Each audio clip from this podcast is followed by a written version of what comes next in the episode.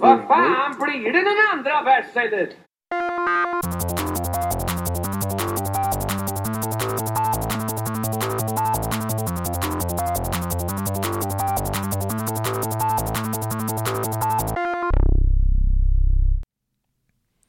Hej kära lyssnare och välkomna till Täljepodden. Ja, tro det eller ej, det här blir faktiskt den femtionde intervjun. Helt, helt galet. Men så är det. Så att det här är ju ett jubileumsavsnitt kan vi säga. Känns riktigt, riktigt bra. Och vem passar inte bättre än Magnus Mankan Nilsson som det femtionde offret i Telepodden.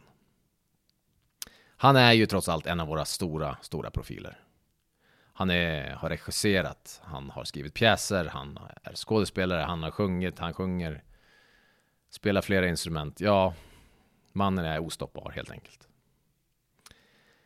Intervjun görs hemma hos Mankan. Eh, så att ljudet kommer vara lite annorlunda än vanligt, men jag hade väldigt trevligt samtal med Mankan och eh, jag hoppas att ni också tycker det. Så vi kör igång. Du lyssnar på Täljepoddens femtionde avsnitt. Jag heter Tröst Evans.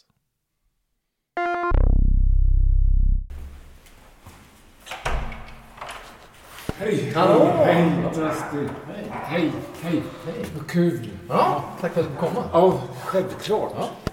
Tack för att du kom. Jag hinner knappt plinga på dörren innan Mankan öppnar och välkomnar mig med ett stadigt handslag. Han har förberett kaffe och köpt goda bullar till oss. Han är väldigt intresserad av mitt namn, så jag blir givetvis nyfiken på varför. Det är Peter Asplund som eh, vi har odlat en eh, märklig kontakt. Alltså vi skriver sms till varandra där vi spånar på sjuka namn. Alltså eh, små st- historier. Och eh, vår dröm är att eh, någon gång en månad bo i Paris på eh, olika, eh, kanske samma hotell men, men, men att skriva en bok om den, skulle den boken skulle heta Apropå Thomas. Okej. Jaha. Och då, då skulle vi fortsätta i, i, i, i, gå ner i det här konstiga humorriket som heter alltså jag, eh, eh, Robert Flaubert och, och, och eh, alltså det kan komma när som helst. Ja. Eh, Han, han är ju också, det är jävligt bra litterärt. Alltså han, han har jättebra språk. Och man, man övar sig på något sätt. Förr i tiden eh, eh, så övade sig författaren, eh, författarna på att skriva brev till varandra. För de skrev ju, eh, Eyvind Johnson skrev 350 brev eh, till Elmer Diktonius och, eh, och han skrev lika mycket tillbaka. Alltså det var ju ett sätt att öva eh, språket. Okej. Alltså, det, det var ett fint sätt. Alltså, alltså nu har vi ett mycket kortare språk. Alltså, eh, man, jag skriver ju för att men nu börjar det bli lite baktanke att eh, vårda språket. Alltså eh, eh, som är fara på färde att det urholkas och försvinner till korta rop liksom. A- a- eh, Djungelspråk eller alltså det, det, det, svenskan är fin. Men du märker av det här att det Ja, det märker jag. Ja. Ja. Men det, jag, jag älskar att skriva. Jag skriver för hand. Och eh, apropå Peter så det skulle vara otroligt. Hans favoritbok är ju Povel Ramels I min galna hage. Alltså helt absurd eh, bok. Alltså, alltså sån... Ja, men det, man kan ju försköna saker och säga så här. Jag, jag slår ett slag för humorn i språket. Och, men vi ska göra en Mankans hörna, Peter Asplund och hans pappa Bernt. Och eh, den 15 april på teatern. Och eh, då ska vi visa pappans bilder, foton. Alltså han vann ju... Gud vad jag pratar fort. Eh, Han vann ju... Han blev ju året fotograf 1952.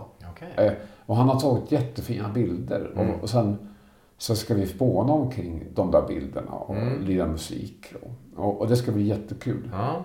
Men det är det som är nästa så att säga. Ja, alltså... Men, men jag har... Ja, jag har det väldigt bra just nu. Och jag får göra det jag verkligen vill. Och det har jag alltid fått göra. Alltså, på något sätt. Och, och, och då, då blir det liksom en ynnest att eh, vara i ett flöde. Alltså att eh, jag, jag skulle inte klara av att leva ensam så här mycket om jag inte var inne i någonting Okej. som sätter disciplin på dagarna. Och eh, alltså, jag får ju hålla på liksom och bearbeta någonting som jag inte riktigt vet vad det är. Alltså, var lugn. Jag vet att saker och ting inte försvinner. Men ändå är det där påslaget varje dag. Alltså frukost, träning och skriva. Och, och, och det, det blir man så sjukt välmående av på något sätt. Allting knyts upp kring det. Liksom att, att skriva är ju inte bara att sitta och skriva. Det är ju allting som går in i skallen. Alltså, man håller ju liv i någonting. Just det.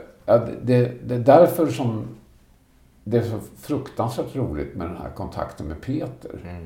I, alltså, ibland så är det så sjukt roligt. Alltså. Och jag skulle önska att vi kunde skriva en bok. Ja. Apropå Thomas. ja, men trevligt. Ja. Mm. Nej, men Men du, jag tänkte, vi, vi är ju i den här lägenheten nu här Ja. mitt, i Södertälje. ja. Men du har ju även en bostad på Mörkö. Ja. Var, varför har det blivit så att du har två, så att säga? Hur lång tid har vi? Ja, hur länge du vill. Nej, men det var...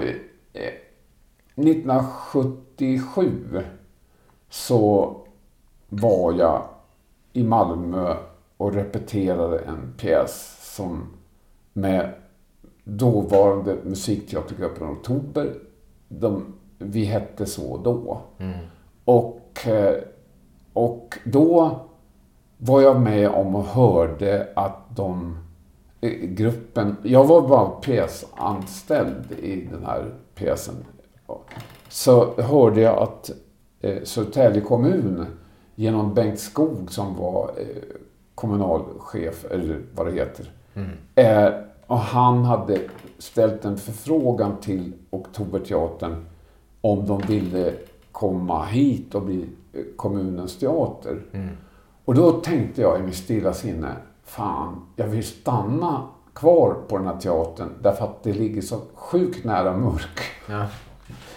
Och, och jag minns att jag ag- en augustidag eh, cyklade in till E4 och där plockade eh, Tarzan och Anders, Vågs, eh, Anders Granström upp mig och vi åkte in till Södertälje och lastade ur på gamla flickskolan. Och, eh, och, och, och det, eftersom Mörkö har jag bott på ända sedan jag var nyfödd. Alltså, eh, det är, det är ju ett gift i kroppen alltså, eh, som man inte kan vara utan. Och eh, så blev det liksom. Eh, ja, det, det var alltså det, det var otroligt närheten till Mörkö. Alltså, och eh, den är fortfarande otroligt viktig. Alltså det finns ingen plats som är viktigare än Mörkö för mig. Och eh, det, det är liksom obeskrivbart. Alltså, det, det tar liksom en... Ja, det tar tio minuter att eh, mm, kroppens eh, kroppsminne går igång när man sätter i nyckeln på våren. Och sen tio minuter låter ju väldigt snabbt. Eh, men en halv dag så är man nere i eh, några andra kroppsvätskor. Alltså, eh, det, det, det är liksom... Det, det, det, det är mitt hem, alltså på jorden. Alltså, det, det är liksom... Nu, till min stora kärlek, alltså, det har blivit min sons hem också. Han åker ut jätteofta nu, vid den här tiden. Och, och är bara där i sin, på sin lediga tid. Alltså en dag, en halv dag kan det räcka. Alltså, och när han säger till mig att nu fattar jag det här. Alltså, då, då, då är det tårarna nära. Alltså. Och det är så underbart att saker och ting går i arv på det sättet. Och det är en oas. Mm. Det, jag har skrivit så otroligt mycket om mörker. Ja, Alltså, det, det, det, det, det är ingenting som jag är skyldig att göra, men det blir så på en sån plats. När, man, när man sätter sig vid skrivbordet och så står en råbock fem meter ifrån och kollar på en. Vad fan håller du på med?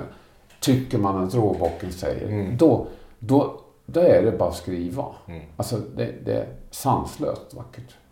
Och viktigt för mitt handikapp att kunna gå varje dag ett par kilometer som jag gör. Alltså, annars är jag för skrajsen att komma ut. Alltså, jag, jag, ett socialt missfoster, tycker jag. Alltså, ja, det, alltså, det är jobbigt. Men då blir den här lägenheten någon mer praktisk sak då? Ja, det blir det. Alltså, det man, jag har ju inget... Nu ska jag säga min allra högsta dröm. Det är att eh, Caroline och Kalle Bonde ordnar så jag kan bo året om på Mörke. Det skulle vara min... Jag har fyllt 70 år och det skulle vara min allra högsta dröm. Och jag vet att många tänker, men på vintern då? Mm, det ordnar sig, säger jag. Mm. Men det, alltså, det, det... Och å andra sidan så kanske det är så att det är just tjusningen med att bara så länge man kan på ett ställe långt in i november eh, eh, och sen veta att det står kvar, som grannbonden säger, stugan står kvar. Liksom.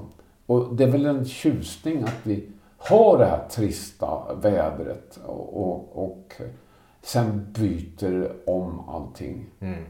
Ja, Våren är ju 1-0 till våren, står det. Läng- eh, I alla fall första perioden. Ja. Är det favoritårstiden? Ja, Det, det finns inget annat. Alltså, eh, jag har ett annat projekt som jag skulle vurma om och berätta.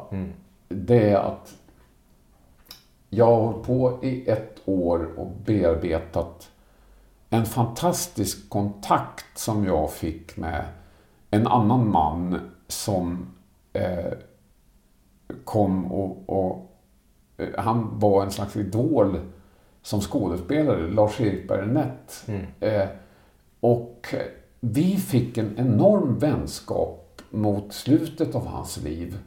Och vi, var, vi kände varandra lite grann i Göteborg och då, då var jag, jag hade sån fruktansvärd respekt för honom. Eh, Så jag vågade inte närma mig honom. Och sen började en kontakt. Jag, jag skickade iväg en dikt på sms om ett morgon efter ett kräftkalas, eh, en vit duk och så här. Men då har han svarat, skriv mer. Och sen höll vi på ett halvår varje dag och jag läste högt för honom. Alltså om hjärnblödningen och alltihopa. Och eh, sen så var jag där några dagar, någon dag ska jag säga. Eh, och eh, då var han mycket sjuk. Eh, och sen gick han bort första februari 2017. Och sen dess har jag velat, att jag förstått att det går inte, man kan inte börja på saker och ting med en gång. Men nu är jag på gång och skriva när tiden mognar eh, om manlig vänskap helt enkelt. För den gode dramatikern och skådespelaren Staffan Göte och jag själv. Och eh, det, det är jag inne i varje dag. Alltså jag håller, alltså det, då är jag disciplinerad och, och, och, och återtar, ja, jag är nog en riktig författare. Alltså, ja. Ja, det råder nog inget tvivel om det tror jag. Ja. ja. Men, men är det första manliga vänskapen som liksom har påverkat dig på det sättet? Ja, det är det. Det var helt... eh, Alltså, vi, tar, vi pratar ju inte nästan om... Vi pratar aldrig om teater. Alltså någon gång sådär. Alltså, han, vi pratar om närvaro. Alltså...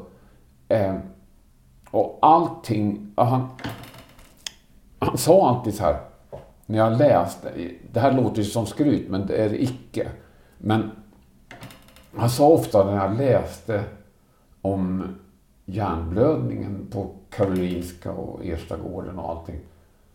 Han sa ofta så här, du, du är där. Jag ser det framför mig. Och det var så ruggigt några gånger för att eh, jag började läsa någon förmiddag så här. Eh, Hörru du, man kan, jag måste in där. Har du tagit bort den där granen? Nej, nej, nej. Alltså, då började jag bli så här nervös. Alltså, han kunde ju grejerna utan till. Alltså, då, långt efteråt så förstod jag att han bearbetade sin sjukdom genom att lyssna på hur det var för mig att komma igen i livet. Och äh, en högre lyssning har jag aldrig varit med om. Och någon slags eh, respekt som jag haft, haft, eh, hade haft för honom. Eh, den rann iväg och blev lika villkor. Alltså, vi pratade eh, eh, om allt möjligt alltså. alltså eh, eh, det, det var en stark sista, det är kanske väldigt personligt, sista natten han levde så ringde han mig eh, och sa Stör jag? Nej, nej, du stör aldrig Lars-Erik. Jag har som fan otrolig ångest. Ja, då sa jag så här, eh, herregud. Vilket förtroende, tänkte jag. Eh, vill du prata om det? Eh, Om vad då? sa han. Ångesten, den är ju borta nu när jag pratar med dig. Och sen kom en sköterska, nu kommer den och den. Och jag sjöng Nina Olssons koral, Bach-koral för honom. Jag kom alldeles för högt. Tonarten var helt galen. Jag satt och skrek här på natten. Ja, det är bra, tack. Och sen nästa dag var han borta. Att det, det, det, då tänkte jag så här att det låter ju väldigt egoistiskt det här, men, men, men detta, den här vänskapen måste jag eh, beskriva. Alltså det var så omvälvande för mig personligen.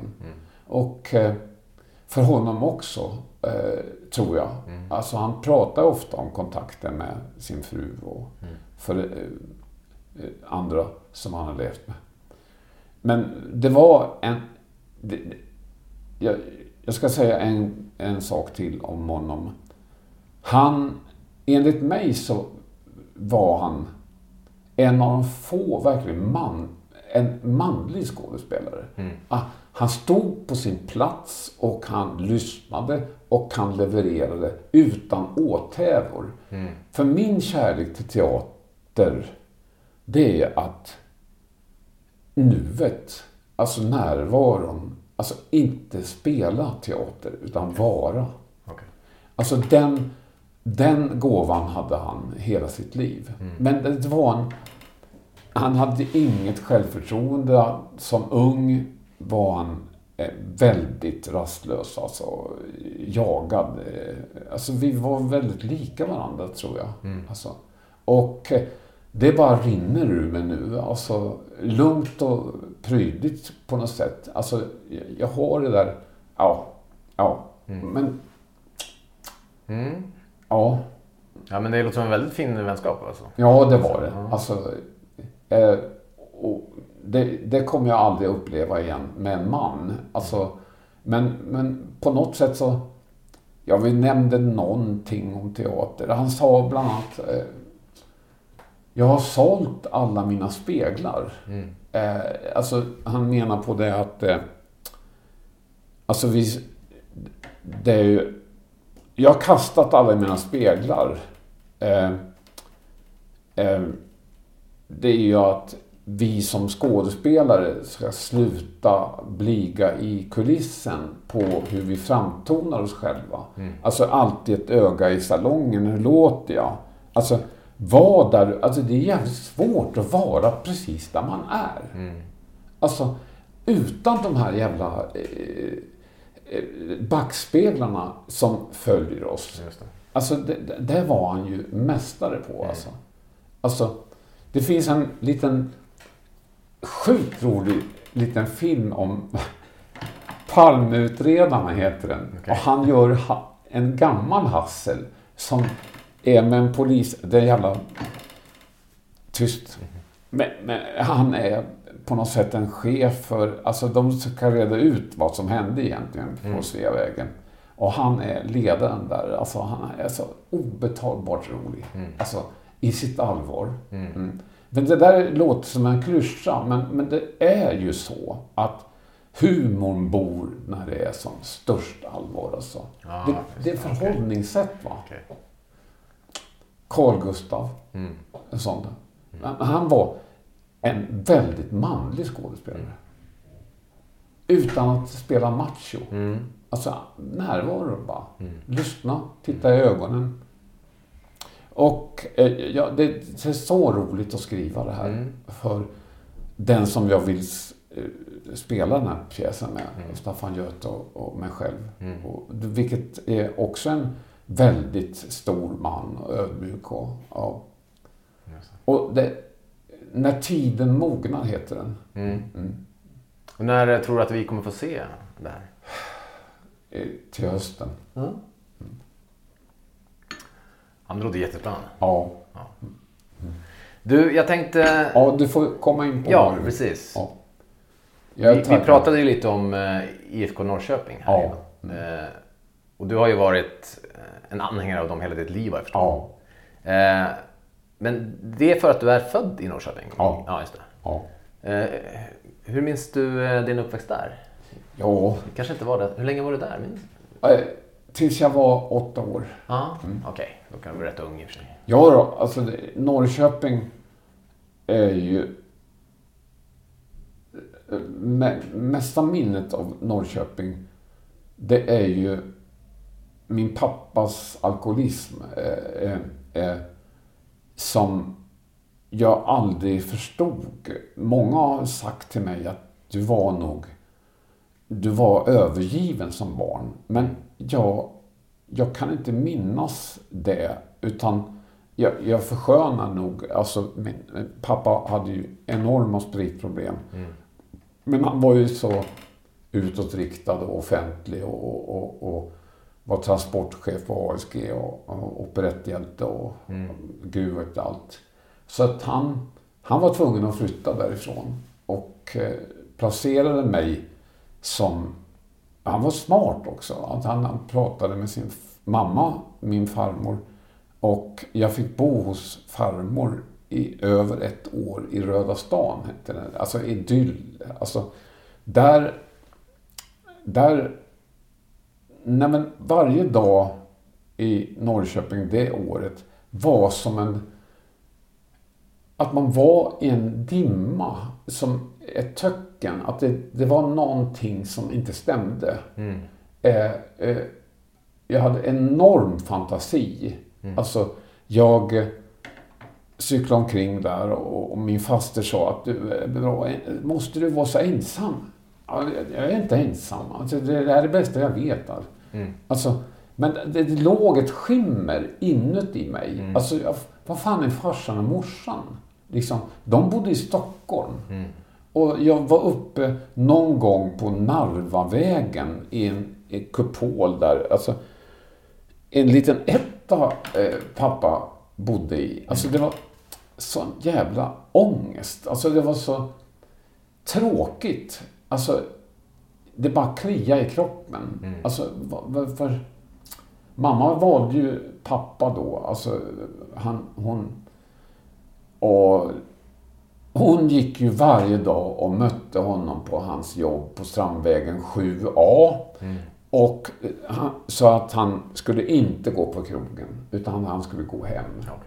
Och eh, det där förstod jag aldrig förrän eh, när jag själv kom in på Malmö scenskola och eh, började själv eh, eh, smaka på öl och sådär. Men han kom ofta ner och hade sina perioder hos mig. Och, och det var inte kul alltså. Och då, då drömde han ju, alltså han, han gick ju i taket när jag blev skådespelare. Alltså, han ville ju själv bli operasångare och operetthjälte. Alltså, Han var ju fullständigt svämma över av lycka. Men han sa aldrig någonting. Och därför är jag mån om att säga till min son att jag älskar dig. Alltså inte bara orden, utan jag menar det verkligen. Alltså, det, det sa aldrig... Alltså, när jag fick möjlighet att skriva Min stortjocke far och då fick jag djupdyka i den där sorgen som det var. Och, och, och det gjorde ont. Eh, och eh, där, jag grottade ner mig fullständigt och, och hittade en jävla massa humor där. Alltså, eh, det, det måste jag leta efter hela tiden. Alltså, alltså ingenting är så allvarligt så att man inte ka- kan garva skiten ur sig. Alltså, alltså på något identifikationsmässigt. Och eh, där hittar jag många saker. Därför att det var en väldigt bra regissör som tvingade mig att eh, du måste göra din pappa illa. Du Manken, du måste göra honom illa. Men herregud, jag gjort, gör honom illa hela tiden. Nej, det, han måste skita ner sig. Och det, det gjorde ont att skriva. Sanningen gör ont. Men, men Norrköping förblir IFK Norrköping för mig. Alltså, där jag, den dagen jag blev hedersmedlem, alltså jag har aldrig upplevt något större än, än när min son föddes. Så det var likvärdigt. Liksom. Alltså, pappa var ju vice ordförande i IFK Norrköping. Okej. Och när jag blev hedersmedlem, alltså ihop med Gunnar Nordahl och Nisse Lidholm och Ove Kindvall och alla av de här. Alltså, men herregud vad jag har gjort. Men du har, alltså, jag har inte rört en fotboll, men du har gjort du, andra, du, du har rört vid andra saker. Varje match de spelar så skriver jag sms till var och en. Alltså, en, det högsta Var och en av, eh, Alla spelare, Okej. ledare och, som är med på bortamatchen eller hemmamatchen. Och sen förra året så kom det från tränaren Jens Gustafsson. Mankan, det kom inget idag. Förlåt. så, det är roligt. Ja. ja, det är det ju. Verkligen. Men alltså då, då på, på nå- min, eh, min tanke är, är ju, alltså det här har jag nog gemensamt med många. Eh, eh, Det finns bara IFK Norrköping. Och jag, när jag är inne i omklädningsrummet efter en vinst och sjunger min tokiga sång. Och mina IFK-grabbar nu, IFK-grabbar nu, da, da, da, da, da. Och mina IFK-grabbar nu, IFK-grabbar nu, ni är bäst. Och då sjunger hela laget med. Alltså de, de nya som kom från Island eh, innan de lärde sig den här sången och lärde sig mig. Alltså, alltså då var det en viss skeptis. Alltså, sen köpte de eh, hela konceptet. För att den där mannen, han har fyllt 70, han är galen. I oss. Ja. Eh, Men då, då, då är det så funt att, att idrottsmän köper äkthet. Alltså. Eh, Att man är på riktigt. Ja, eh, Men alltså det, det, IFK Norrköping är mitt liv. Alltså, eh, sta- staden är ju jättevacker. Fantastisk stad. det här med ström, alltså man kan ju gråta blod av lycka. Att Titta på hur de har byggt kring eh, strömmen, alltså forsen. Titta hur Södertälje ser ut. Alltså det, det verkar ju som alla hus är nedsläppta via helikopter. Ja, ja, den hamnar i en viadukt här. Alltså, nej men den får stå kvar där. Vi bygger en annan hus som eh, totalt inte liknar det där. Det finns ingen struktur i stan. Det fin- alltså, de har ju inte tittat, i Norrköping har de tittat på hur de byggde industriområdet. Och sen har de byggt ett universitet som liknar något av, alltså det, det är så jävla enkelt egentligen. Alltså, ja, men, men jag tänker alltid på när min farmor sa att eh, eh, akta dig för virvlarna i strömmen. Du, alltså, du får inte dras ner i strömmen. Titta på det här bananskalet som man släpper ner och sen viskar det iväg ner i botten då, eh, bananer. Så, alltså det var ju... Hon skrämde mig upp mig där. Men hon, ja, hon stod ju ändå för trygghet. Med 3G. Ja. Ja, ja, men staden verkar ju betyda en hel del för ja dig. jättemycket. Du, jag tänkte... Ja, Du, började du pluggar ju på Kalle Flygares Ja. teaterskola. Eh, en skola som egentligen... eh, ja, det är väl full av lärare som är yrkesverksamma liksom, Ja. skådespelare. Eh, hur, hur gammal var du när du började där? 16 år. Var det lätt att komma in på den skolan? Jag, jag, ärligt talat så vet jag inte det. Alltså, eh, man gick en provmånad. Och eh, när jag... Så här var det. Det är ganska roligt att berätta. Eh, när jag gick ut från, eh, på högstadiet. Eh, jag gick om ett år. Eh, när jag gick ut nian då. Så kom min pappa och sa eh, man kan vi sätter oss, eh, mo, mamma och du och jag, och pratar lite om vad du ska göra. Ja visst, ja, fan vad jobbigt. Vad ska jag göra? Eh, jag hade ju popband och hela svängen. Och, och, han hade planer på att mm, imorgon går vi upp till Kalle Flygares teaterskola. Och du går där en provmånad. Och eh, det visade sig att han kände Kalle Flygare från sin tid som operetthjälte i Norrköping. Och, eh, och därför säger jag att jag vet inte hur mycket pappas inflytande var. För jag gick där i en månad och sen kom jag in. Mm, okej. Och eh, däremot så hade min pappa inget inflytande när jag som 17 och ett halvt-åring kom in i Malmö. Det, det gjorde jag alldeles själv. På min egna, eh, min eget sätt. Och eh, det var ju, jag var ju inte helt obegåvad men, men jag var liksom en glad eh, skit alltså. Jag, ty, eh, jag oförskämt eh, glad och rolig och eh, sjungande. Så.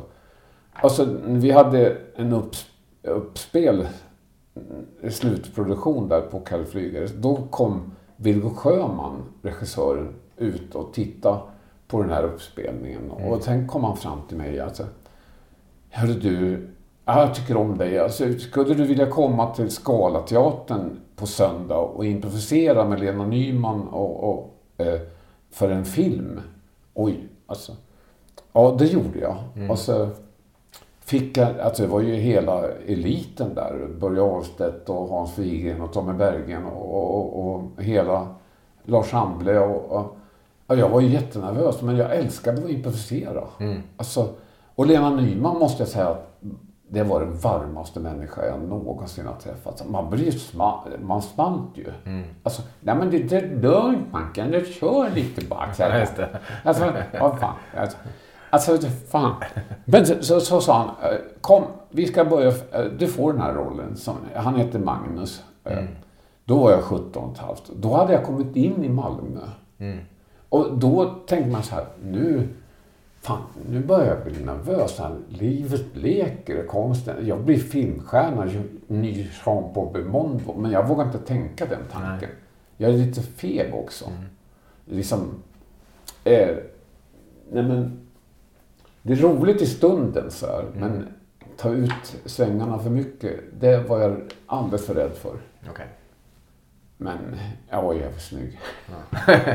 Men det här är ju Jag är nyfiken, en film i gult. Ja, ja. Och sen kom det en film i blå Ja, okej. året efter kanske. Ja.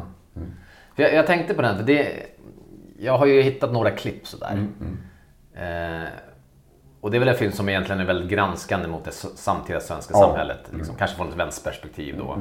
Eh, och så hittade jag en intervju eh, med dåvarande kommunikationsministern Olof Palme. Och, ja. Ja, ni är ju hemma i hans, eller Ja, deras, ja, ja. ska jag säga, Ja. deras eh, radhus i, Vällingby där. Eh, men jag tänker liksom, för den scenen jag såg känns ju väldigt sådär lite improviserad. Liksom. Eh, var det inte så man jobbade? Ja. Hur, hur, var, det? Kommer du ihåg det här mötet med Ja, Palme? det kommer jag Ja. Alltså, jag... Alltså, jag tyckte det var konstigt att... Det här, jag, jag tänker efter på det mötet. Alltså... Dels... Alltså det skulle aldrig gå att göra en film idag där jag som regissör, om jag kunde göra film, påstår att jag är förälskad i huvudrollen. Alltså, det, det var så besynnerligt. Alltså, jag minns faktiskt en... Alltså, Willy Sjöman skulle titta på mig med avund för att jag satt nära Lena Nyman. Och det är så pinsamt dåligt.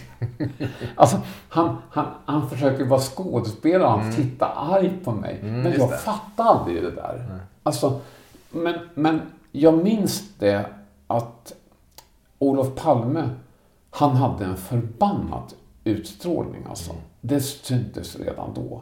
Det här är ingen man som man latchar med alltså. Alltså, han var så stark personlighet. Alltså, han, jag minns barnen och frun i fönstret. Ja, fönstret, ja, mm.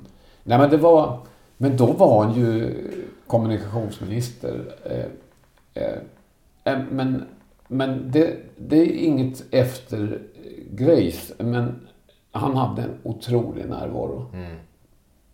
Och, och han hade enorm respekt med sig. Alltså, det... det och, och det, det, det är det enda eh, jag minns. Eh, eh, han, det hände något med Sverige när han blev skjuten. Det kom aldrig att likna. Men var du en Palme-anhängare liksom, sen senare? Ja, det var jag. Ja. Eh, när han dog, eh, vi hade, då var det ju minnesstund på estrad och, och eh, då sjöng Göran Wiklund och jag och Henrik Holmberg Vaka upp Goja av Diktonius och eh, det glömmer jag aldrig. Alltså, det var en stor man. Mm. Men... verkligen. mm. Ja, men vad, vad häftigt att du har läst på så mycket. Ja, men lite grann sådär. Fan. Du, du, nu har ju du gjort så himla mycket så att det här kommer bara vara några olika exempel. Men, eh, eh, jag tänkte på Oktoberteatern och du, du Ja. kom ju hit eh, Ja. 78. 78, just det. Vad hade du för roll i den teatern från början? Ja, men... Jag... Från början var jag... eh, Från början sökte vi... Eller, jag var ju inte vi med dem då, men nu är jag vi. Men de sökte ju skådespelare som kunde... Utbildade skådespelare som också hade musiken. Och, och eh, då, då kom jag direkt från ett proggband som hette, vi hette Text och musik eh, i Göteborg. Och då, eh, då hade Henrik och Ninne Olsson hört text och musik på Sprängkullen i Göteborg och, eh, och kollat in mig och jag gjorde sketcher mellan sångerna och jag sjöng som eh, attan, spelade trummor och ja, gitarr. Och, och, och då, då var jag ju liksom utbildad skådespelare i Malmö, från Malmö då. Och så- de, Henrik ringde till mig och frågade om jag ville börja i en pjäs i Malmö. Då var de i Malmö. Ja, visst, det, det, det, då hade jag sett Sven Klanks kvintett och jag var helt tagen av den filmen. Mm. Det var ju helt fantastiskt. Eh, I och med att man kombinerar musik och teater, vilket eh, jag hade längtat efter. Mm. Eh, en, sen undertext och musik också. Och då så gjorde vi ett fol en folkefiende av Ibsen. Och där vi ersatte matätningen i pjäsen ge- genom att musicera. Alltså, sen var det, då var jag fast anställd. Men rollen var ju, alltså den hittade jag på själv. Alltså, jag, jag, sa, jag skrev några sketcher, började skriva liksom sångtexter och sådär. Och, och vi hade ju det här fredagshornet på estrad. Mm. Och alltså var, varannan fredag helt nytt kabaré. Det var jätteroligt. Och Christer Bostedts kvartett. Och, alltså det var så otroligt kreativt. Alltså då började jag eh, vilja skriva en pjäs. Eh, Och eh, då, då, då gjorde jag det. Alltså det, det, det, det är därför som jag kan säga eh, Oktoberteatern betyder väldigt mycket för min hela eh, eh, kreativa process. Alltså, det, det går inte en dag utan jag tänker på eh, Gutjava Stänge till exempel och, och, och, och frihet att skapa sina egna eh, mönster eller sin egen kärlek till teatern. Men den är alldeles egen för mig. Alltså, där, där har jag fått tränat upp på den teatern. Som jag fortfarande tränar på. Alltså det, det är mitt liv. Alltså, eh, Tjechov säger att jag vill riktiga människor. Alltså det, det låter banalt men det är för det, det är källan till konsten. Riktiga människor. Det är inte så jävla lätt att gå in och, och det handlar inte om att vara sig själv. Utan grunden är att vara sig själv och upphöja det till någon annan. Okej. Som allt annat. Fotboll, hockey. Du, du går ju inte in, åker ju inte in, du går ju inte in på en scen privat. Nej. Liksom, Sven-Bertil Taube säger att han, när han går in och sjunger eh, så står han i kulissen och stampar. Ja. Och då, när stampet, då blir han en annan. Ut, eh, an, en annan sig själv. Och den, den lilla förhöjningen är så otroligt intressant. Och, men, jag är helt fantastisk skådespelare när jag sitter och skriver om eh, Lars-Erik och mig. Och han heter för övrigt Karl-Erik Andersson i pjäsen. Och eh, jag spelar ju, alltså jag har ju mest glädje av min teater, skådespelarutbildning när jag skriver. Och, och det, det ett farligt gift, alltså jag vet precis hur det ska spelas. Okej, okej. Alltså sen blir det ofta problem när jag... Eh, eh, eh, någon har sagt... Alltså... Eh, man... Eh, eh, man tror liksom att... Eh, att I och med att jag till och med tror att jag jag har skrivit det här, alltså då kan jag det. Alltså då, då är risken att man inte går in som skådespelare och läser den här, de här orden. Eh, alltså, jag är urusel på att lära mig mina egna texter. Okej. Eh, och, av falskhet för att man, man är invaggad i, det här kan du. Och, och sen minns jag när någon person, Johanna Thor eller någon, eller sa till mig, alltså du, du hoppar över jättebra meningar. Alltså, ja okej, eh, eh, jag ska titta. Men, men varför tror du att det är så? Nej men... Jag tror att lättja. Eh, eh, eh, jag tror att jag tar inte det... Jag, jag tar inte det jobbet som krävs för att vara skådespelare. Alltså, jag tror att det är mycket lättare än vad det är.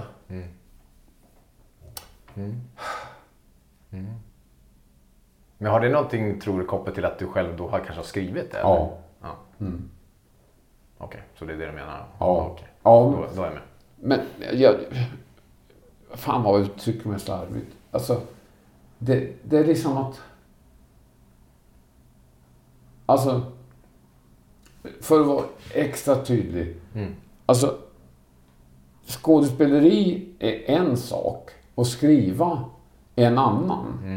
När jag har skrivit mina pjäser, då har jag varit gudabenådad som skådespelare inuti huvudet. Okej. Alltså, sen är det ju en annan Mankan eller eh, den skådespelande. Alltså, jag måste ha li- lika stor respekt för de här orden som andra har när de repar. Alltså, de har ju mycket lättare för att jag, jag sitter inne med något falskt facit som inte alls stämmer.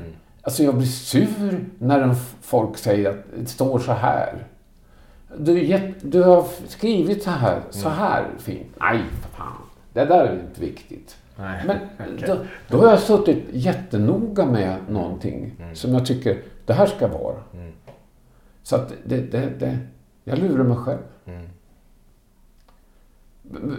Alltså det är ju, alltså jag älskar ju språk. Alltså, jag vill ju att, jag vill ju säga det som står. Så ju- jag har ju arbetat med det som fan. Noga. Alltså, att låta som det talat och... I, i, jag, jag, nu slår det mig att, nu blir jag så satan tydlig. Eh, jag tror att Lars-Erik sa så här, att du återerövrar nuet. Alltså, eh, det kan verka som, jag tycker att språket, mitt språk, ska verka som en improvisation. Improvisation. Okej. Men det är noga eh, mejslat. Alltså att det flyter och sånt. Va? Men det, det får inte jag själv slarva bort. Va? Fy mig. Ja, men det var roligt. Men det var en bra fråga. Ja, det är bra svar faktiskt Ja. också. Du, eh, jag tänkte... mm, Strul. Eh, alltså Strul är en sån här film som jag under min uppväxt har fått höra liksom fraser ifrån. Ja. Ja. Och en av dem är ju såklart den här... Ja, Ja, medan vi rättar till Mankas mikrofon så ska jag bara för er kanske yngre lyssnare vara lite tydliga om vad vi exakt pratar om.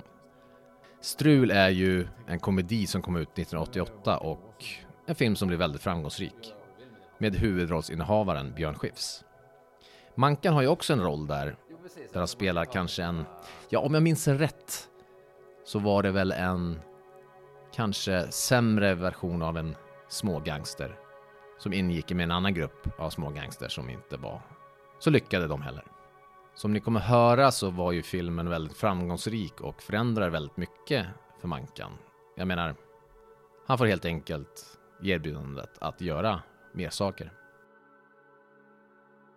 Gullig film. Ja, den och sen eh, blir det någon andra vers eller? Ja. Nu ska inte jag försöka imitera det, men du vet vad jag menar. Ja. såklart. Ja. Eh, Men var den film, den blev ju väldigt framgångsrik. Ja. Och du spelar ju Gränges. Ja. Ehm, vad hade jag för fråga där? Jo, eh, men vad, vad hände liksom med din... Vad hade den filmen för betydelse för dig? Kanske jag ska Mm. fråga först. Den gjorde mig i Expressen till Årets tönt. Eh, eh, eh, den, den betydde liksom att jag kunde tackla eh, min Ja, min egen nervositet kring stora sammanhang och sånt där. Men det gick väldigt bra för att eh, eh, Björn Skifs var, han jobbar ju, han hade hundra inspelningsdagar tror jag. Alltså, och det var en alltså fruktansvärt eh, rolig med den här Lommakranen som Eh, en amerikan var där och eh, det var eh, han hade sitt, i sitt kontrakt att han fick dricka en karaff rödvin för varje lunch. Därför att han skulle hålla den här kranen så stadigt som möjligt. Alltså den var, åkte... Alltså... Men därför att jag... Därför att eh, jag, jag, var jättenervös in, innan jag skulle göra den här strul. Mm. Och då, då hade de skrivit att han var dalmas. Men, men jag frågade dem, kan inte vara, få vara östgöte? För jag kan inte dalmål. Mm. Alltså, det måste bli bra, sa jag. Ja, men hur låter det då? Blir det någon andra vers eller? Alltså, ja men kör på det. Och då, då, då kom jag hem liksom. Alltså, det, det, att vara skådespelare är att vara hemma i någonting mm. som är din värld och samtidigt andras. Mm. Och, eh, och det var så fruktansvärt roligt. Han Jonas Frick, han var ju reklamare, eh, MTV-kille. Alltså, han, han, varje gång han regisserade och färdiginspelat en scen så kom han glidande på knä som Jerry Williams. Var, alltså, alltså, okay. Han var så helt manisk. Sen gick han bort i något hjärtfel efter bara några år. Mm -hmm. Och eh, det, det, Björn Skifs var Alltså han är så fin som man tror. Mm. Eh, man känner mm. honom. Mm. Alltså han, hans värme var direkt smittande. På mig i alla fall. Och jag minns att en inspelningsdag när han, eh, vi stod och, och spånade på vad fan sjunger den här Gränges? Och vi skulle eh, hitta en sång till honom. Mm. Eh, och vi tänkte båda två. Och samtidigt stod han och läste D, Dagens Nyheter. Det var en stor artikel om mig och Gutierrez Engel. Eh, Ed Brechtonius och Edith Södergran. Och han, han, läste tidningen och tittade på mig så här. Fan. Eh, han fick inte ihop det liksom. Nej. Fan. Eh, Norrköping, alltså, Ed Brechtonius. Och sen kom vi på i alla fall att den sjuka säsongen, det var ju en kyckling som hette Gullisjön. Mm. Och jag kunde... Det, alltså det var ju min lycka att jag inte kunde verserna. Mm. Alltså jag hittade på. Alltså, det, det, var, det var jättekul. Ja. Alltså det... Ja... Men det största var ju att jag förstod ganska snabbt att, eh, att jag måste lägga mig Johan Ulveson, han låg sen göteborgaren där och, mm. och, och Gino Samil, han var trög. Och Björn Skifs eh, var evigt ung. Mm. Och Mikael Drucke var vansinnig. Och jag måste lägga mig någonstans med min humor lite emellan, tyngre liksom. Mm. Och det funkade. Mm. Och så det vart jag väldigt glad för. Mm. Och den var, det var ju väldigt roligt att spela in. Mm. Alltså. Men, men är det svar? Ja, alltså, ja. ja. ja. Men, ja, för att jag, alltså nu, nu, jag, menar, jag minns ju inte så mycket kanske egentligen, jo, eller ja. Jag var väl kanske 10-12 där någonstans. Men, men liksom, är det här någon form av, är det här, blir du typ lite känd här eller? Ja, det blir ja. jag. Alltså, men jag måste berätta en fin historia. Ja. Eh, om en annan verkligen stor man. Eh, Gösta Ekman. Mm. Eh, han, han kom en morgon till eh, eh vad heter det, eh, eh, Sköndal, där studien, ateljén låg. Mm. Och han skulle bara dricka kaffe på morgonen. Och då hade recensionerna kommit på Gutierrez Ängel, min bästa pjäs på något sätt. Mm. Och så säger han, tittar han på mig så säger han så här. Det måste finnas sådana som du. Fan, Gösta Ekman. Mm. Alltså, alltså, man var ju blödig. Och, alltså sen, efter strul då, då började veckotidningarna ringa. Hemmets veckotidning året runt och Svenska Damtidning och Hänt i veckan. Och, och, och då var jag nerringd och skulle träffa Svensk Damtidning. Och, och jag var bara nervös. Och mm. jag kände mig jagad. Och så ringde jag till Gösta Ekman och frågade, kan inte du ge mig ett råd här? Eh, du ska säga nej, sa han. Mm. Säg nej till allt sånt. Annars äter de upp dig. Mm. Och jag kunde inte säga nej till Svensk Damtidning. Vi stod där vid vinternattskap och, och sen, ja, ja, den, ja, det var, ja, men, men jag hade väldigt, jag har väldigt svårt att säga nej. Mm. Och 1991 eh, då, 16 maj, så sa kroppen nej till mig. Mm. Alltså, och då, då var det för mycket helt enkelt. Mm. Och det, jag var så alltså, Årets tönt och Café Norrköping och tv-program och, och alltså, Jag var till och med med i Rapport eh, i Gudsjävla Alltså, vi satt där nere på Avenyn. Mm. Eh, Tom Eklund och hockeyspelarna och Fanta och så. Fan, det, fan titta gammal, det är du fan. fan. Fan vad man kan. 3-0! Alltså, alltså, det glömmer jag aldrig. Mm. Och, och, och, och det, det, det, var så efter strul också. Ja. Ja. Men det är ju en rolig figur. Mm. Alltså, alltså, ja men det, det var roligt. Mm. mm. Men det blev väldigt mycket jobb då efter? Ja, det, det är det som blir... Alltså, jag, så här, alltså, jag har ingenting för att tycka synd om mig själv. Men jag hade dubbbokat mig på två filmer samtidigt. Mm. Och eh, någon vänlig människa, jag gick i terapi, alltså jag måste ha hjälp. Alltså det här går inte. Mm. Alltså jag skulle vara med i liksom, eh, han som, Mitt liv som hund, han fick ju göra en egen film. Och sen en annan film med Thomas von Brömsen. Och jag sa ja till, alltså, tills det visade sig att, men fan, det, det kan ju inte vara på två ställen samtidigt. Mm. Och det hade jag tron på. Mm. Ja, det fixar sig. Mm. Alltså det var fruktansvärt. Men det gick också som det gick. Mm.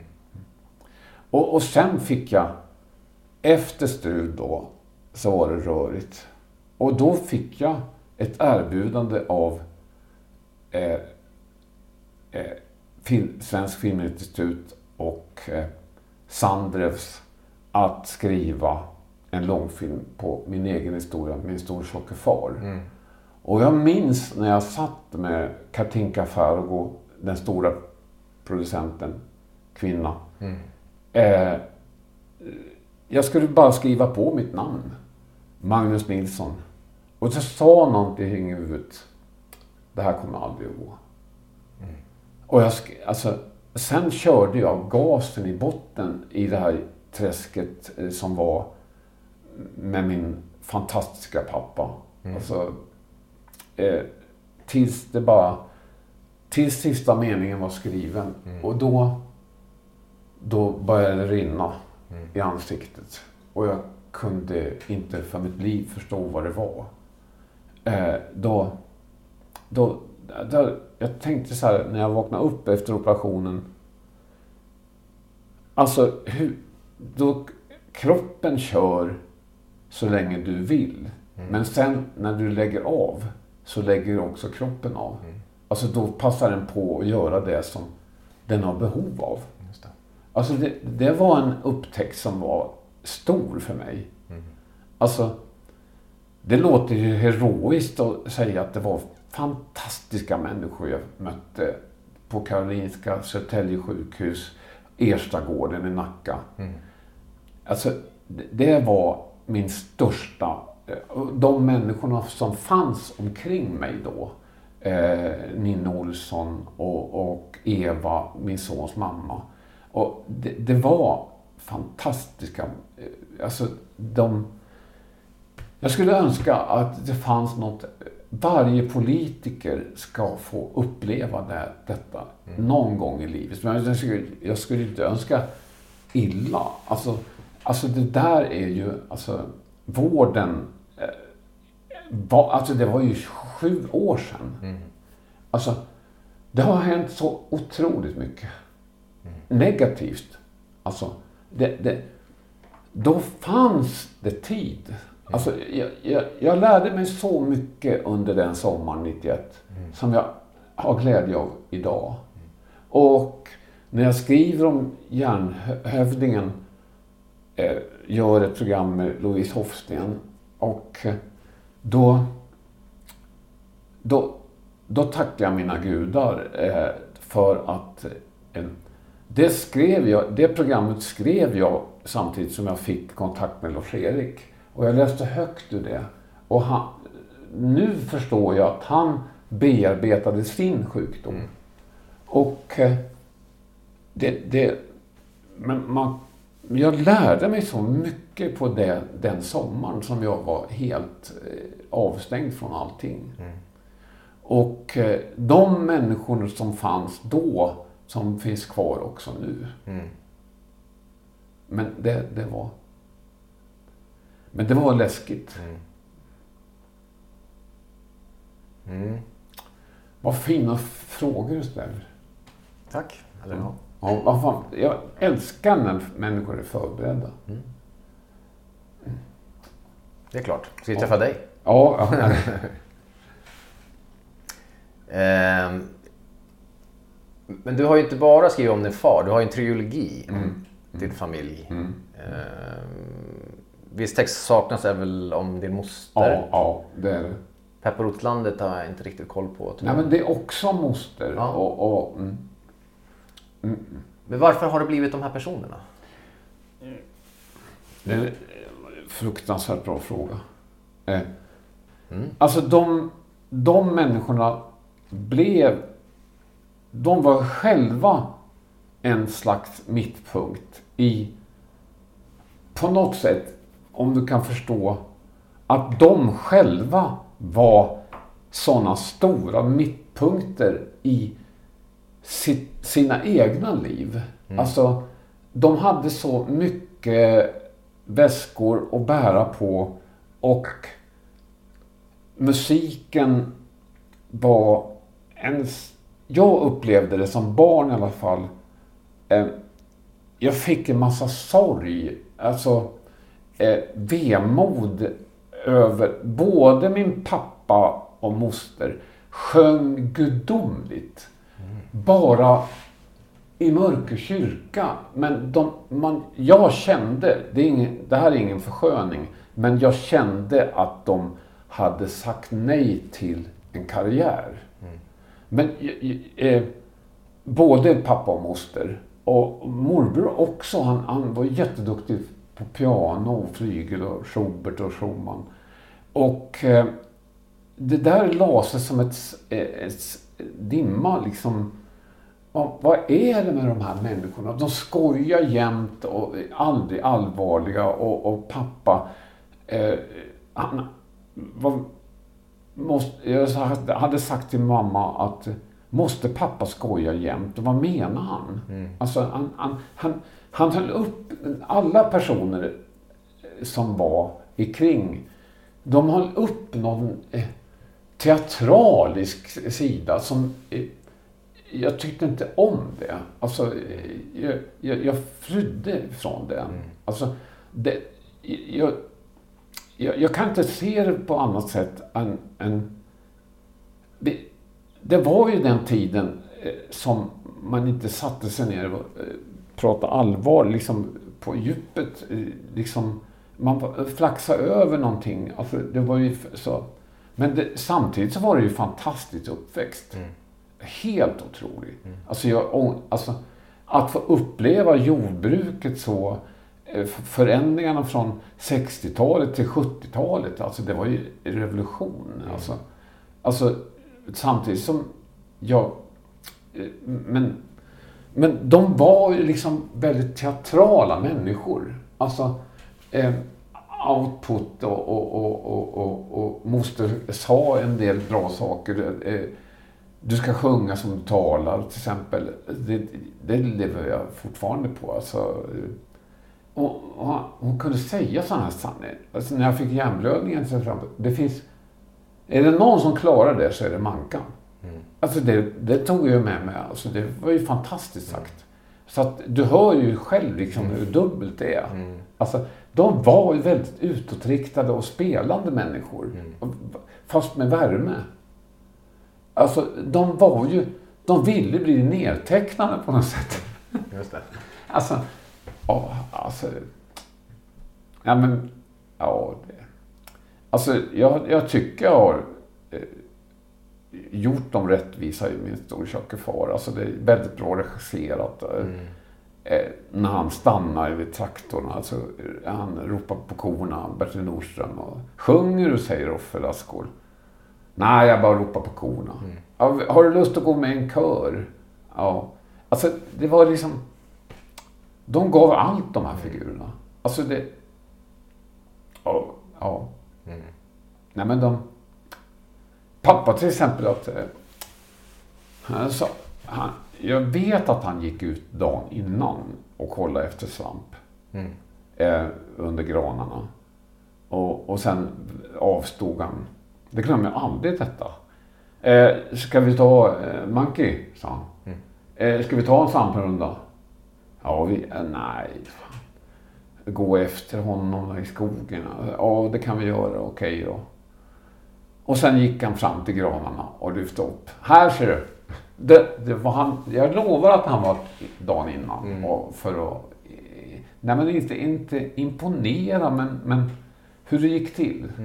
Det fanns en liten, någonting i uppfostran som var lite spel och sådär. Alltså, eh, ja men fan han hade ett rakspegel i västfickan. Vad fan har man en rakspegel för i skogen?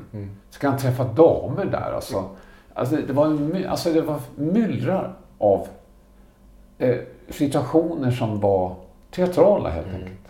Alltså, jag, eh, nej, det bästa beviset är ju att mamma sa efter premiären på Min storköke far. Hon var helt borta. Eh, nästan i koma. Och så tittade hon på mig. Var har du fått allt det här ifrån? Hon menar, alltså, hon, hon menar undertexten var att vi försökte dölja det här. Och det var det mesta... Eh, eh, jag, jag fick inte så mycket beröm av mamma. Alltså, men där fick jag... Eh, hon såg om filmen tio gånger och bearbetade sitt eh, liv. I, alltså, inte hela sitt liv, men, men, men, men livet med pappa. Alltså hon fattar inte att hur jag har kunnat sett det här alltihopa. De var så minutiöst noga med att dölja. Men det, är det, det det man ser som barn. Eh, Då, eh, döljing, döljningen på något sätt. Nej men det, mamma, första gången hon såg filmen på premiären, då trodde hon ärligt talat att hon var filmat rakt av från den tiden. Okej. Alltså hon var helt borta. Och det, det glömmer jag aldrig. Ja, det är en väldigt, det är en väldigt fin och stark film alltså. Ja, det är det. Ja. Den är jag alltså, jättestolt, förlåt, jättestolt. Men det, det hade sitt pris faktiskt. Ja, verkligen. Jag tänkte att vi skulle prata om en sak lite. Ja. Jag, vet, jag vet inte hur mycket du egentligen vill prata om det här. Men, men jag frågar så får vi se. Ja. Och det handlar om Oktoberteatern. Ja, ja. Mm. det förstod jag nästan kanske. Men eh, teatern hamnar ju, i, ja, som Mm. vi säger i medierna, i blåsväder 2015. Och, eh, teaterns ledning får kritik Ja. Om hur man behandlar sina anställda, hur man använder bidrag man Ja. fått och hur man sköter sitt åtagande mot kommunen till Ja. exempel. Eh, och det blir en del konflikter inom eh, ledningsgruppen då. Ja. Eh, och du är ju mitt i det här på något sätt. Ja. Eh, och jag, vad jag förstår så är det, det blir ju egentligen en personlig konflikt på något sätt. Ja. Jag tänker bara, hur är det liksom, när en så här personlig konflikt blir så ändå så offentlig? Det, det, det, det, det är otäckt. Den här frågan eh, var ju en fråga som både jag och Mankan såklart visste skulle komma upp i den här intervjun. Men den är jobbig för honom. Och det kan man ju verkligen förstå. Så vi gjorde så här att han helt enkelt fick, läsa upp det han ville säga om den saken. Apropå konflikten så finns den inte kvar. Jag gjorde en massa människor illa. Jag gjorde mig själv illa och den teater som jag har varit med om och byggt upp i den här stan. Man kan inte bedriva konst ur ett slags hat. Jag har aldrig kunnat skylla på andra. Andra är en själv närmast. En själv är själv närmast. Men nu är jag där jag är, har en fri roll, där jag får göra det jag verkligen tycker om. Jag har ingen konflikt med någon, mer än de strider jag bedriver inuti mig själv, som handlar om sanningen. Sanningen och jag har inte alltid varit eh, bästa vänner. Jag tycker inte synd om mig själv, rent fysiskt eller psykiskt måste jag lägga det som hände bakom mig och gå vidare. Därför att jag älskar människors möjligheter. Så ser min teater ut och så har den alltid sett ut i 54 år. Louise Hofsten sjunger man måste lära sig att säga förlåt och verkligen mena det. Och det tycker jag att jag har gjort.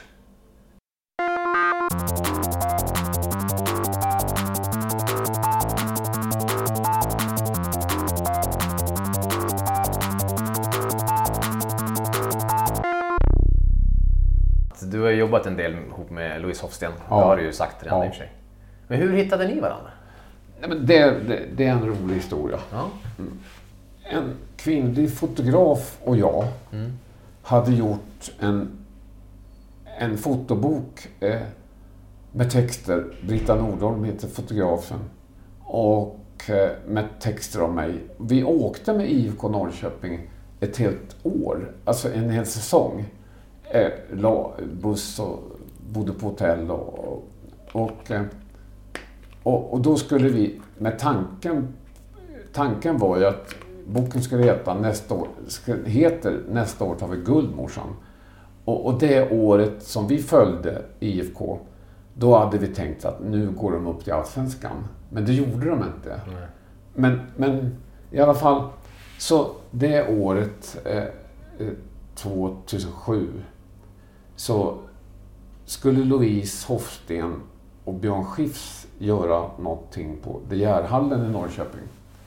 Och Louise har jag alltid velat träffa. Och, och sen ringde en kvinnlig producent från de, Norrköpings symfoniorkester. Jag, jag har hälsningar från Björn Skifs till dig. Eh, ska du inte komma ner och hälsa på och titta? Då sa jag så här. Nej, jag, å- eh, jag fixar inte det just nu. Eh, jag hade ingen annan... Alltså sen ändrade jag mig och så ringde jag tillbaka. Du Agneta, kan inte jag få dela ut blommor? Ja, men, han blir så glad, där, Björn Skifs. Eh, och sen, alltså det här är liksom... Det hör ihop med det här att man förhöjer sig någonting, till någonting. Alltså jag, jag sa något... Kontentan av det här som jag säger nu, alltså det, det är liksom... Ja, jag sa något enkelt. Jag kan komma ner i blommor och lämna blommor till Björn. Och min första anledning var att då kanske jag har chansen att träffa Louise. Och, och, och det, lät ju, det låter ju enkelt att säga så här, man kommer in med blommor så här. Och, jag satt på tåget här. Vad ska... Alltså jag har aldrig varit så nervös. Och så jag skulle ligga gömd på andra raden. Och så, han fick inte se mig. Jag tittade på showen och alltså, han var så jävla fin med Louise. Och, eh, och sen skulle jag gå in med blommor. Och Britta Nordholm var beredd med kameran. Och det finns en bildsvit när han tackar för applåderna och tittar. Äh, så han blir jätteglad. Och jag kunde inte gå in. Alltså jag, jag stapplar som en jävla get alltså. Alltså då är det, alltså, då är det så här att om jag hade varit en roll på något sätt. Eh, det, det trodde jag att det där fixar du lätt. Men nästa morgon så bodde de på eh, ett hotell. Eh, som låg, ligger på Skomakargatan i Norrköping.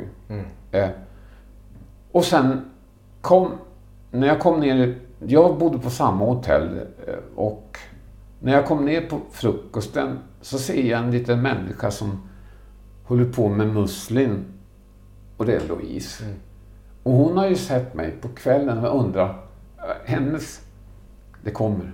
Och så har hon på mig så här, jag, jag är så artig liksom. Men, eh, eh, vill du vara själv eller vill du ha hjälp eller? Nej men jag vill sitta med dig, sa hon. Ja, ja. Men, men då satt vi och pratade nästan två timmar eh, om, ja förlåt, sa han. Jag vet ju inte att du skrivit den här boken. Borde jag vetat det? Jag, jag skäms sådant. Jag skäms inte för fan. Och sen kom Björn Skifs ner och såg att vi var ett ingripande jävla samtal där. Alltså, han valde ett annat bord liksom. Och sen kom han till oss.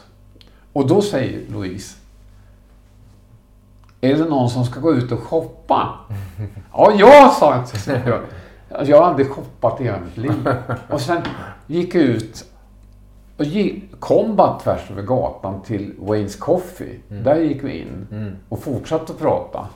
Och sen när jag gick därifrån så tyckte jag i mitt inre att jag var högre än husen på Drottninggatan.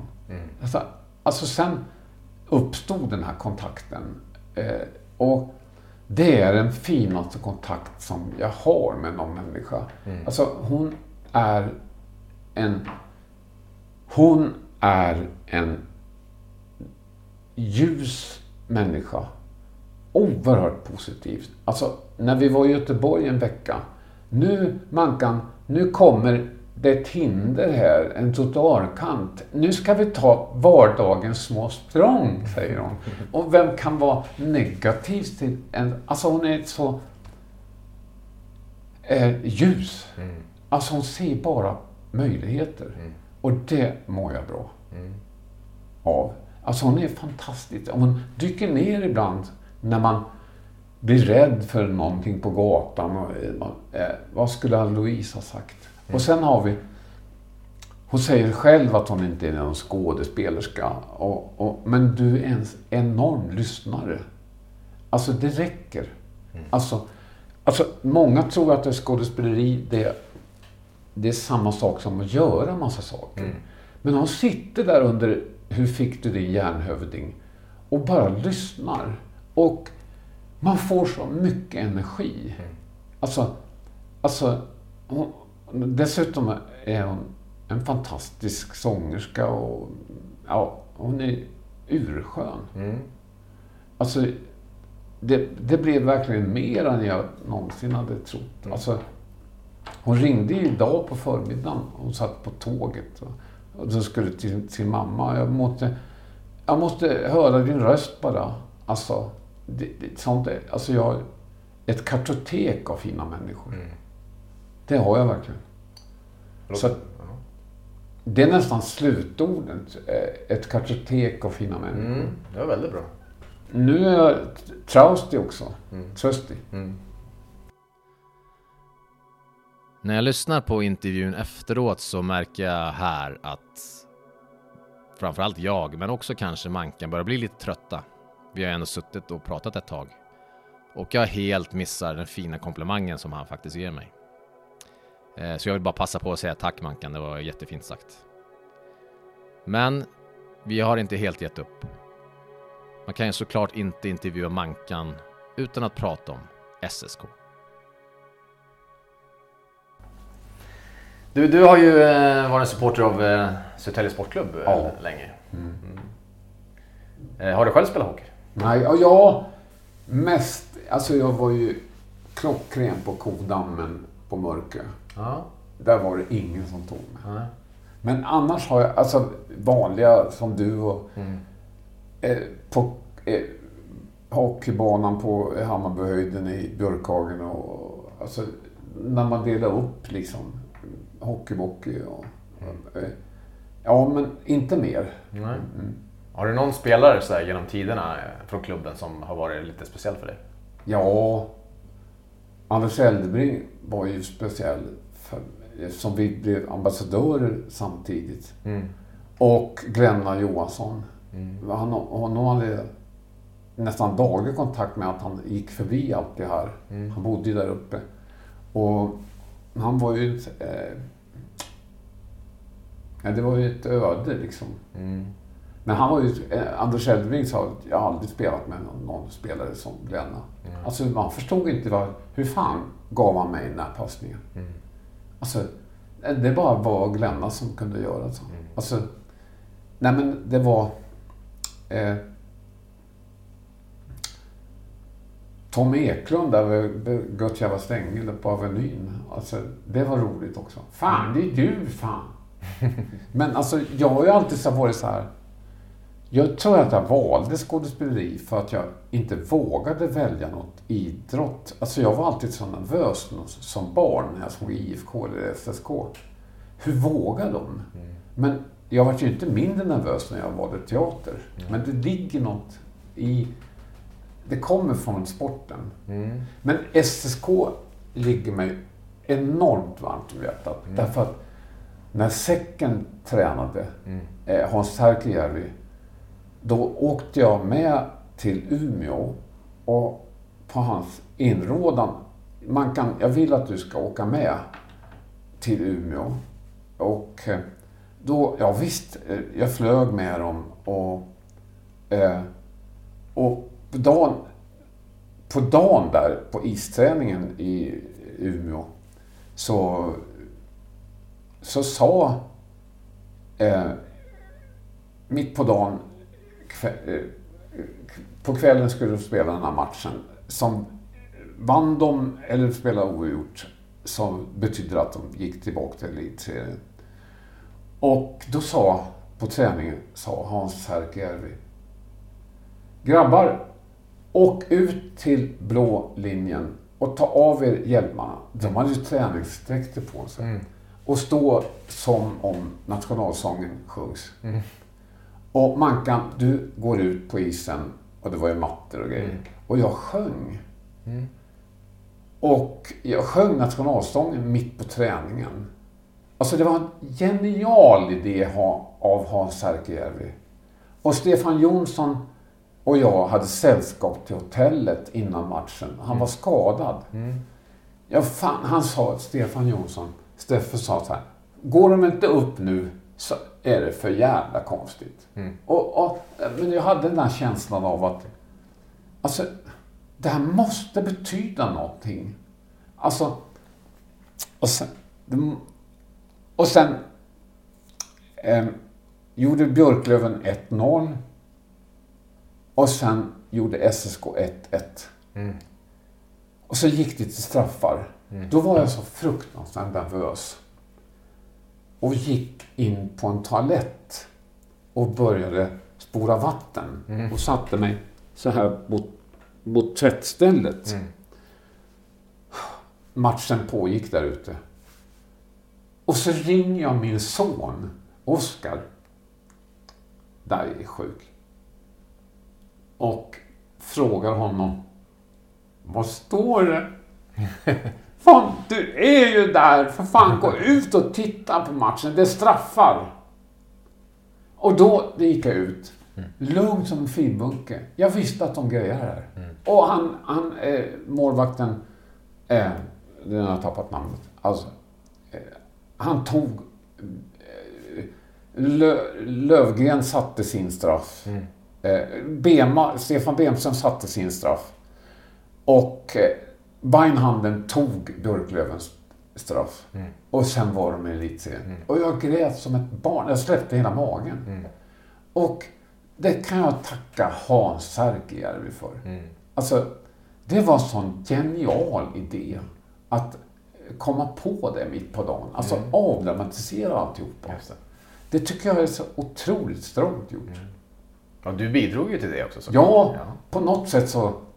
Men sen åkte de ur nästa år igen. Mm. Men, men, men Hans Särkijärvi var jävligt vaken. Alltså på att jag skulle prata om teater och, och det var roligt. Mm. På den. Alltså, Thomas von Brömsen var där i, när när vi skulle möta Frölunda och jag hade fixat Thomas och pratat. eh, Att det var jättekul. Alltså, det, nu är, alltså, igår var det ju fantastiskt att de slog Leksand med 3-0. Går du på matcherna eller? Ja, det, det är dåligt. Mm. Jag ska börja nu. Mm. Det, det, det, det, tar, det är ett äventyr att ta sig Mm. ut. Men jag så... Det ingår i paketet, Mm. Nilsson. Ja. Ja. Tack Manken för att du var med i Telepodden. Tack själv för att du kom. Telepodden produceras av AT Produktion. Programledare Tröst Evans, producent Anton Kylbäck.